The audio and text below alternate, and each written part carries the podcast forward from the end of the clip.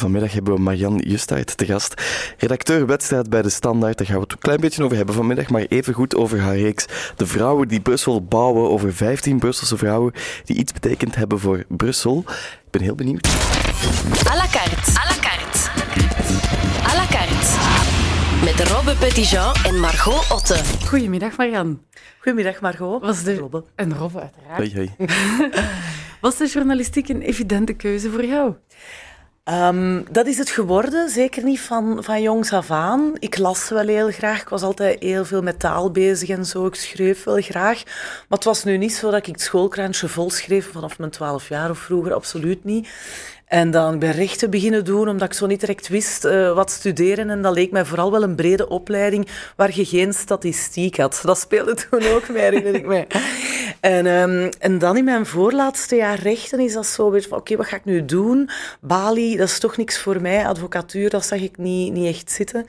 En, uh, en dan beginnen nadenken en dan ontdekte eigenlijk dat ik al langer een sluimerende droom had die onderdrukt was of die nooit echt was bovengekomen om journalist te worden. En zo ben ik dan uh, naar Brussel gekomen om hier journalistiek, een uh, postgraduaat heette dat toen nog, nu een manama zeker, ja. te studeren. Voilà. En ben je tevreden met die keuze nog altijd? Of denk ja. je soms, mm, misschien als advocaat... Nee. Had ik veel meer verdiend, maar ja, nu mag ik niet klagen. nee, nee, um, nee, echt, ik heb me dan nog geen dag beklaagd. Ik vind dat nog altijd een droomjob. En uh, ik kan nog altijd zo popelen om, uh, om iets te weten te komen. Ik ben sowieso wel heel nieuwsgierig van aard. Mijn moeder vertelde dat ik als baby zo uh, het behangpapier van de muren krapte om te zien wat er erachter zat. dat dus, is wel goed dan. ja, voilà. En nu ook, ja, je maakt alles mee van op de eerste rij. Je kunt dingen... Je bent echt zo'n bevoorrechte getuige. En uh, ik vind dat uh, ook echt uh, elke dag opnieuw een uitdaging om mensen goed te informeren. En ja, je bent ook zo onafhankelijk. Dat, dat trekt mij enorm aan. Dat je eigenlijk ook niemand hebt die u... Ja, natuurlijk heb ik bazen boven mij en zo, maar... Uh, ik ben onafhankelijk in, uh, in wat mijn belangen betreft, zal ik ja. zo zeggen. En ja, enfin, het is een droom, het is elke dag anders. Het is zo boeiend, ja. Je bent iemand die volgens mij ook zeer goed zou zijn in lezingen geven om mensen warm te maken voor de journalistiek. ja. Zijn er bepaalde eigenschappen? Uh, soms doe ik dat wel, soms ja? doe ik dat wel. Uh, maar dan eerder zo voor studenten. Voor jonge ja. mensen vind ik dat leuk. Ik geef ook uh, een kleine, geen gastcollege, maar een praktijkcollege of, over communicatie, dan vooral communicatie en presentatie. En dat is wel heel plezant zo met, met jonge mensen. Allee, ik heb mijn eigen lang als jong beschouwd, maar... Uh, stilaan moet ik toegeven uh, dat ook ah. de jaren beginnen mee. maar, uh, maar over het algemeen, ik zit niet in het lezingencircuit of zo. Dat is eigenlijk ook niet mijn, nee. mijn droom of mijn bedoeling. Is er een bepaalde eigenschap waarvan je later ontdekt hebt, dat is handig dat ik die heb. Die kan ik goed gebruiken als journalist. Uh, ja, ik babbel graag. Ik, uh, ik heb nooit eigenlijk moeite om mensen aan te spreken. Ik ben nogal een sociale. En ik ben ook wel gewoon een caféganger. Ik zeg dat soms voor te lachen. Mijn, mijn enige hobby is op café gaan. Het is niet 100% waar, maar het klopt toch wel voor een groot deel. En daar pikte gewoon wel ook veel verhalen op gehoord, wat leeft. Niet dat ik altijd en overal mijn antennes op heb als journalist of, of alles gebruik wat uh, vrienden uh, tijdens het drinken van een pint aan mij toevertrouwen. Absoluut niet, want dat zou ook niet marcheren. Maar daar hoort je wel veel en ja, dat is wel Allee, uh, dat komt goed uit, dat is handig, want je moet de vinger aan de pols houden. Zo. Want journalistiek dreigt soms wel in een bubbel wat te zitten. En ja. dan vind ik het wel belangrijk om ook anders stemmen te houden. En dan helpt dat gewoon om op café te gaan. En wel, voilà, dan hoorde zo een keer een andere, een andere, ja, een andere stem. Of, voilà in het leven staan. Ja, met twee voeten. Het doet me denken aan uh, wat onze, onze beursjournalist Danny hier vorige week zei. Van journalisten moeten meer buiten komen. Ze doen dat te weinig. Dat lijkt me redelijk belangrijk. Marian, je hebt uh, rechten gestudeerd. Ja. Hoe helpt jou dat in je politieke verslaggeving? Uh, goeie vraag. Ik denk dat het sowieso wel een hele goede basis is. Um, omdat uh, er komt wel veel politiek bij kijken. Wij moesten ook wel verplicht met de actualiteit bezig zijn. En politiek en recht zijn gewoon ja, nauw verweven. Het parlement is de wetgevende macht, uh, de regering de uitvoerende macht. En het helpt wel als je snel uh, wetten kunt lezen, maar ook uh, arresten en zo van het Grondwettelijk Hof, van de Raad van State. Dus daarin uh, werden wij destijds wel gedrild om dat allemaal goed snel te kunnen doorgronden en, en, juist te kunnen lezen. Maar vooral eigenlijk het. Ehm, inzichten, inzicht krijgen of verbanden leggen. Zo hoofdzaak van bijzaak onderscheiden, een rode draad ergens in zien. Zo die skills, uh, ik weet niet juist onder welke noemer je die zou kunnen samenvatten. Maar dat leert je wel bij uitstek in, in rechten, vind ik. Een beetje begrijpend lezen van wetten eigenlijk. Ja, en, en uh, de analyse maken van... Um, tot, een, tot een synthese komen van, van een aantal dingen... Uh, en, verbanden leggen en zo, ja, dat uh, zeker. Je bent al een hele tijd een vast gezicht uh, aan de wedstraat. Is het soms moeilijk om um, politici te benaderen als je ze al langer kent? Um, hoe loopt dat voor, voor, voor jou als, als verslaggever? Hoe bewaar je de afstand? Oh, ja, ja, ja, goede vraag. Um, Sommige van die mensen zie je eigenlijk elke week, twee keer, drie keer, vier keer. Ja, want dat is, uh, en het is ook een heel klein wereldje natuurlijk. Hè. De, uh, zeker binnen Vlaanderen. Goed, ja, op federaal niveau heb je ook nog de Franstaligen. Maar je kent dikwijls mensen al, al langer.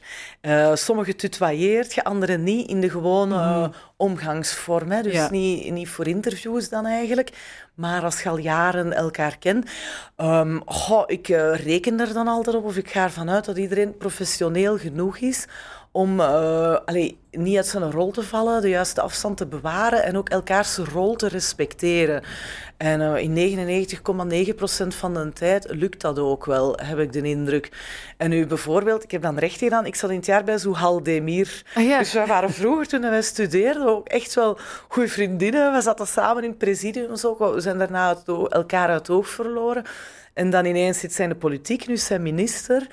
En, uh, en natuurlijk, ja, we go a long way back. Al zijn daar wel jaren tussen. Ja. Dus niet dat we hartsvriendinnen of zo zijn gebleven al die jaren. Dus uh, uh, er is sowieso wel een afstand, maar dan is ieder zijn rol. Uh, en absoluut. En daar zijn eigenlijk nog nooit uh, problemen mee geweest. Nee, het is een, een hele bijzondere job. Dat zei je al. Je zit soms op de eerste rij, vaak eigenlijk. Maar het is natuurlijk ook belangrijk om achter de coulissen te duiken. En dat is exact wat je gedaan hebt met je collega um, Christophe van Schouwbroek. Ja. Jullie hebben een reeks geschreven, De Onzichtbare Markt uh, macht en daar ook een prijs voor gewonnen van de Orde van de Vlaamse Balies. Ja. Dat is uh, niet niks, denk ik, zo'n prijs. Is dat belangrijk voor jou? Die erkenning? Het is een, het is een heel mooie erkenning en uh, er was ook een heel toffe geldprijs aan verbonden. Dus ja, dat is wel leuk natuurlijk. Um, je leeft daar niet voor, maar dat doet wel deugd. Ja, mm. absoluut. Dat is wel echt tof om door die beroepsgroep uh, allee, en als journalist eigenlijk gewaardeerd of die, te worden, die waardering te krijgen. Um, en well, de krant is daar dan ook wel fier op. Ik ben daar zelf ook wel best fier op. We waren destijds ook fier op die reeks. Maar dat is nu niet dat mijn carrière staat of valt of zo. Met, allee, met die prijs, met prijs. absoluut niet. Want alle inzendingen waren op zich... Allee, of de drie genomineerden waren wel aan elkaar gewaagd. Mm -hmm. En er is ook wel een beetje geluk hebben... Um, waar de jury op dat moment het meest voor valt... Uh, dus voilà. Is het belangrijk voor jou dat er dan ook een, een staartje aankomt in het tussen haakjes echt? In, in die reeks leggen jullie eigenlijk bloot of laten jullie zien dat heel veel wetten geschreven worden door ghostwriters, mensen die ja. van buiten het parlement komen. Ja. Is het dan belangrijk voor jou dat er dan ook iets mee gebeurt, dat dat verandert, dat er meer op toegezien wordt? Of... Ja, dat heb je niet in de hand, hè? maar dat zou natuurlijk mooi zijn. Uh, sommige journalisten schrijven dat ook echt op hun konto van dit heb ik uh, kunnen realiseren of niet. We hadden wel een slotconclusie geschreven waarbij we zeiden er is echt wel nood aan meer transparantie. Mm. En er zijn wel landen die het voorbeeld geven. Ook Europa geeft het voorbeeld. Daar is zo'n legislative footprint, heet dat, waarbij dat je tijdens uh, het wetgevend proces kunt zien wie er allemaal aan heeft meegewerkt. En hier in België is dat toch nog altijd een soort grijze zone, waarbij het afhangt van de eigen deontologie van de advocaat of eigenlijk zijn eigen ethische, morele grenzen. Dan kan ik dit maken, eerst een wet schrijven en dan mogelijk even later aan de andere kant zitten en die wet aanvechten of die wet, de achterpoortjes die je er dan zelf hebt ingeschreven of waar, die dat je zelf goed kent, gebruiken om de wet te omzeilen enzovoort. Dus het gebeurt. Uh, ze zien er ook niet altijd graad in. Het is daarom ook niet fout, maar het is wel een soort grijze zone. En het feit dat wij die prijs hebben gekregen van de advocatuur, mm -hmm. wil ook wel zeggen dat zij dat inzien, dat zij ook wel bereid zijn om zichzelf een spiegel voor te houden. Dat bleek uit, ook wel uit de, de woorden van de voorzitter van de orde uh, van Vlaamse Balies. Dus mogelijk, uh, Gebeurt daar nu wel iets mee? Ja, graag, maar dat heb je niet in de hand natuurlijk. Nee. Twee jaar geleden heb ik zo ook eens een reeks gemaakt over deradicalisering. Mm -hmm. En toen hoopten we echt van, uh, goh, zouden daar niet wat parlementaire vragen aankomen? Want dat was echt gefundenes fressen, hoe moet je het zeggen? Ja. Voor um, ja, de veiligheidskeer, maar ook voor politici om daarmee aan de slag te gaan. Van heel die deradicaliseringsmarkt, dat was nog heel nieuw. Dat was helemaal niet gereguleerd. Er kwamen zo wat cowboys op terrein. Uh, niemand wist goed wat werkte, wat niet werkte. Uh, en al die Syrië-strijders waren aan het terugkeren, mm. Allee, of toch grote ja. golven. En dat is uiteindelijk dan ook wel wat platgevallen. Zo. En dat vond ik toen wel jammer. Maar goed, dat is onze taak niet meer. Uh, je nee. kunt aangeven. Uh, in de hoop ook. dat er iets verandert of dat je ja, iets op de kaart zet dat dan ja, een weerslag heeft in de samenleving. Ja. Maar um, op zijn minst heb je dan toch mensen geïnformeerd, heb je iets aan de kaak gesteld en blootgelegd. En dat is eigenlijk nog altijd de core van de business, zoals ze zouden zeggen. Voilà. À la carte. Ja? Nee. Ben je een twijfelaar? Goeie vraag, dan moet ik daar al over nadenken. Ja, dus zeker. um, dat hangt echt ervan af over wat dat gaat. Um, soms wel, soms niet. Waarover twijfel je? Uh, ja, bijvoorbeeld... Uh, als we willen gaan eten hier in Brussel, een restaurant kiezen. Oh my god, ik ben daar ook verschrikkelijk Daar kan ik daarover twijfelen, omdat ik eigenlijk altijd in alles goesting heb. Maar ja. je kunt niet en Italiaans en uh, Japans en uh, Belgisch en zo gaan eten. Nee. Dat, maar andere dingen zeggen, oké, okay, daar, cut the crap, uh, doen we dat. En um, voilà, dan kies ik gewoon. Ja. ja. Je gaat recht op je doel af? Doorgaans wel. Mm -hmm. Ook al zijn er bepaalde situaties waarbij ik uh, instinctief aanvoel, er is toch een zekere tact nodig die ik van nature niet heb. Maar hier moet ik het wat omzichtiger aanpakken. ja, niet iedereen ehm, kan om met zo'n directe aanpak of zo. Uh, als je kwetsbaardere mensen interviewt, vind ik het ook niet mijn... Uh, alleen niet gepast om zo direct op doel af te gaan. Uh, nee, dan ja. hoeft dat niet. Ben je, hoe zou ik het zeggen, nog empathischer geworden door je job? Ja, zeker. Wat is het belangrijkste dat je zo geleerd hebt? Dat je... Um, wat een moeilijke vraag, maar gewoon.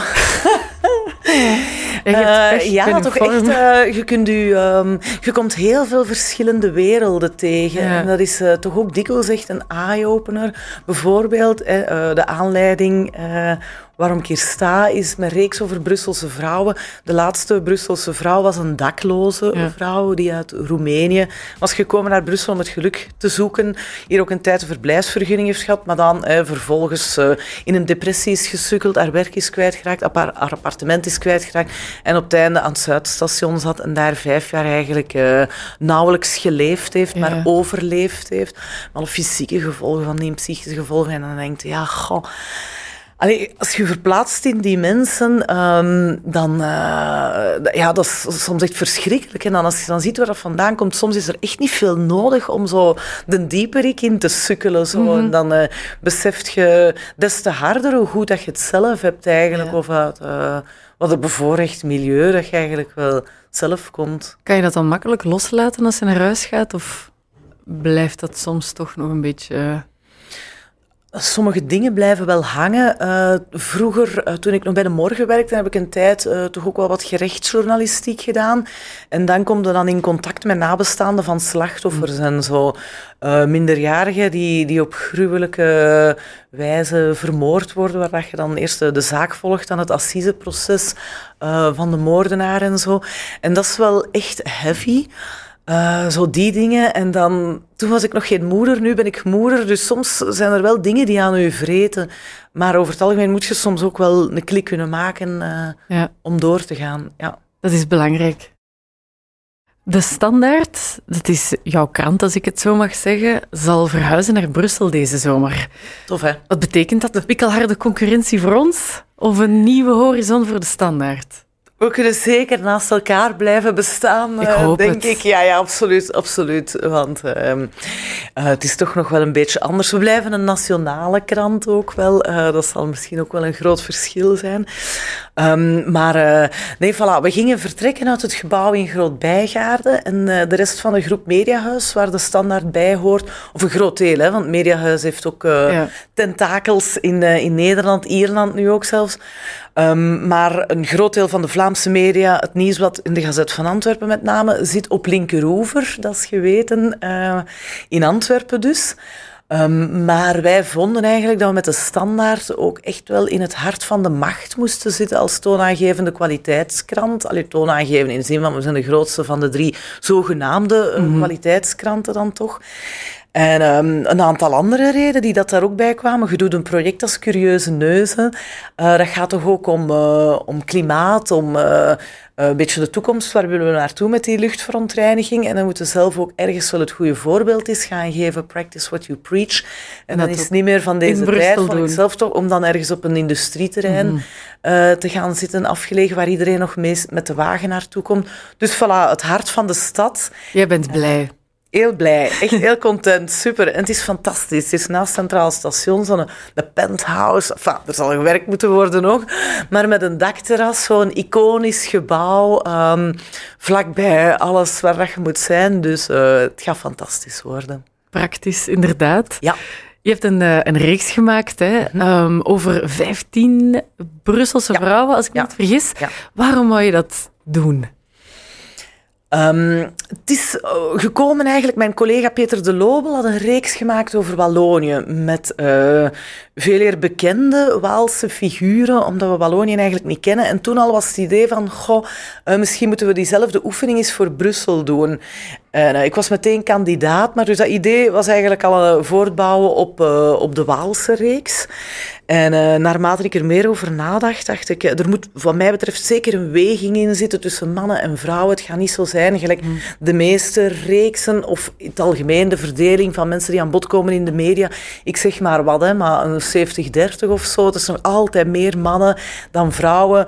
Ehm, als je kijkt dan naar etnisch-culturele diversiteit, is dat ook hoofdzakelijk eh, blanke, hoger opgeleide, Ja. middenklasse, zeker mannen van middelbare leeftijd enzovoort.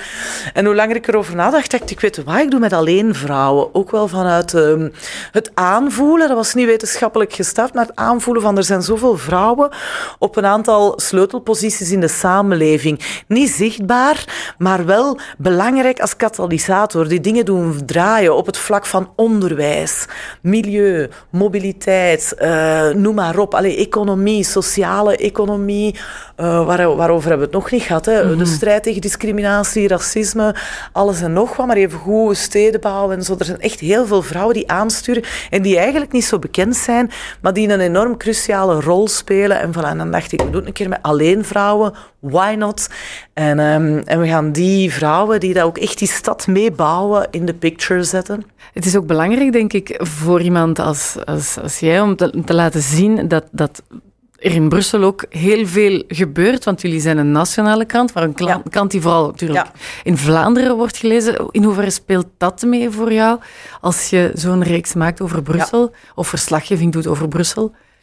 Maar ik vind dat het eh, pleit voor mijn krant dat ik de reeks heb mogen maken. Nu, een aantal jaren geleden is er eh, echt wel heel formeel, of heel bewust eh, gekozen voor we gaan meer eh, artikels brengen over Brussel. We mogen dat echt niet te veel vergeten. Eh, dus ik bracht al langer nieuws en grotere reportages over Brussel. Eh, de gemeenteraadsverkiezingen voor Brussel heb ik ook veel, veel kunnen brengen. Dan heb ik ook een blog op de site. De verkiezingen van 2019 hebben we ook veel over Brussel kunnen brengen.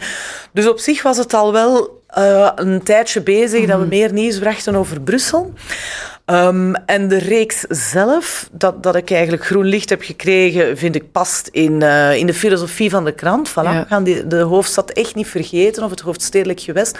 Maar het is niet de bedoeling geweest van laten we Brussel nu eens op een voetstuk zetten Nee, en alleen maar nee. kijken wat daar goed loopt. Dus ik wou van in het begin best kritisch zijn. En er zijn ook een aantal afleveringen die Brussel ehm, tonen als... Uh, allee, de, minder mooie kanten tonen uh, van Brussel, zoals de dakloze dame, maar ook um, het interview met Virginie Monu, Vivi, Mhm. en dat is de uitbaatster van Jour de Fête, een heel bekend restaurantje op de Ansbachlaan, die eigenlijk door pech, dikke, dikke pech, eerst de aanslagen in Parijs, lockdown, dan de aanslagen in Brussel zelf, de mensen die wegblijven van het centrum, en dan de werken voor de alonbekende voetgangerszone.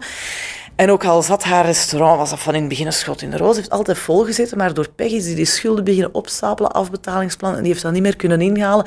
En dat was echt een uh, cri du coeur, een wanhoopskreet van, uh, dat gaat hier niet. Zij botste dan door de verschillende niveaus, de institutionele lasagne, zoals ja. men dikwijls zegt, op een, op een muur. En, en voilà, dat is ook, uh, dat spreekt allemaal niet voor Brussel. Hè. Nu nog een kleine korte vraag. Ik weet niet of het gaat lukken om er kort op te antwoorden, maar ik ga hem toch stellen. ik zal mijn best doen. In je eindconclusie die je maakt op het einde van de reeks, zeg je um, dat je wel, je lijkt, je wel vertrouwen te hebben in, in enkele Brusselse politici, maar je bent er ook niet echt gerust op of dat Brussel en de rest van het land elkaar gaan vinden. Mm-hmm. Hoe zie je dat evolueren? Helpt die verslaggeving al van jou? Denk je, hoor je daar dingen over? Of mijn verslaggeving helpt, dat weet ik niet. Uh, mogelijk, dat is zeker niet het doel ervan, maar allee, als dat het effect is, tant mieux. Um, ik heb gemerkt, het is ook weer niet wetenschappelijk gestaafd, hè, maar dat Brussel um, toch wel een, een, eiland aan het worden is. En goed, hè, want Brussel mm-hmm. heeft lang geworsteld met een soort minderwaardigheidscomplex als het kleinere gewest tussen de twee volwaardige gewesten, Vlaanderen en Wallonië. Maar dat zelfvertrouwen is gegroeid en ook terecht. Brussel is op heel veel vlakken een pionier, een laboratorium. En heeft ondertussen een heel eigen state of mind, een heel eigen Brusselse mentaliteit. Uh, en er zijn heel veel mensen die vooruit willen in Brussel, Tamje. Maar um, het is ook heel anders als Vlaanderen en het onbegrip, de kloof, wordt er zeker niet kleiner Nee. op. En je voelt dat daar, uh, ook door de verschillende politieke meerderheden natuurlijk, dat er heel veel spanning op de lijn zit. En ik denk met een aantal politieke dossiers, dat er echt wel cruciale momenten aanbreken. Hè? De, Ja. de verkeersfiscaliteit, of nu een slimme kilometerheffing of een stadstol wordt. Allee, met Vlaanderen gaat dat botsen, gaat men daar elkaar vinden. De luchthaven, van, er zijn eigenlijk genoeg Dus- dossiers. Ja. Het wordt nog spannend, met andere woorden. Ja, ik Ja. denk het wel. eh, en ik hoop dat de gewesten voor elkaar kiezen, dat we toch samen verder gaan. Want ik zou het wel jammer vinden, moest dat op een gegeven moment de wegen scheiden of, of clashen, of ja, wat er dan ook zou gebeuren. Maar Ja. ja, We zullen zien wat eh, 2020 ons nog brengt op dat vlak. En dan is het al bijna één uur, dus ik heb eigenlijk nog maar eh, één vraag over. Mogen we weten waar je nu aan werkt? Ben je aan het broeden op iets? Er liggen wat pijlen in het vuur, maar er is nog niks uh, super concreets. Ik moet altijd zo wat uh, decompresseren of even uh, kunnen allez, relaxen na zo'n reeks. Want het is best wel intensief geweest. Zo. Je hebt daar toch altijd meer werk aan dan dat je denkt. Ja. En, dat kruipt wel wat onder je vel. Dat is ook je kindje zo ergens. Hè. Dus ik wou elk van die afleveringen echt wel mooi op papier hebben ook. Mooi online. En dan die slotconclusies schrijven. Maar um, er zijn een aantal ideeën voor 2020. En ik ben ervan overtuigd dat er nog veel meer ideeën gaan komen als we verhuizen naar hier in de zomer. Maar uh, er is op dit moment nog niks concreet. Het enige wat ik uh, weet, allee, of weet wat vaststaat, is dat ik uh, eigenlijk niet meer echt wedstrijdjournalist ga zijn. Dat ik uh, afscheid neem van de wedstrijd. Misschien toch niet oninteressant om dat te vermelden, want je begon met mij voor te stellen als wedstrijdjournalist. Dus ik ga tijdelijk wel loskomen van de politiek. Allee, tijdelijk of uh, on sait Ja. jamais. Um, maar dat is wel het idee. Ik heb dat tien jaar gedaan en nu is zo wat tijd voor iets anders. Maar ik ben nog... ja, aan het nadenken uh, wat dan precies Toch niet zelf met een in de- nieuwe core business wordt. Toch niet zelf in de politiek. Nee, nee, nee, absoluut. Nee, nee, nee. Ik blijf absoluut een journalist. eh, nee, nee. Nee, het zal niks voor mij zijn.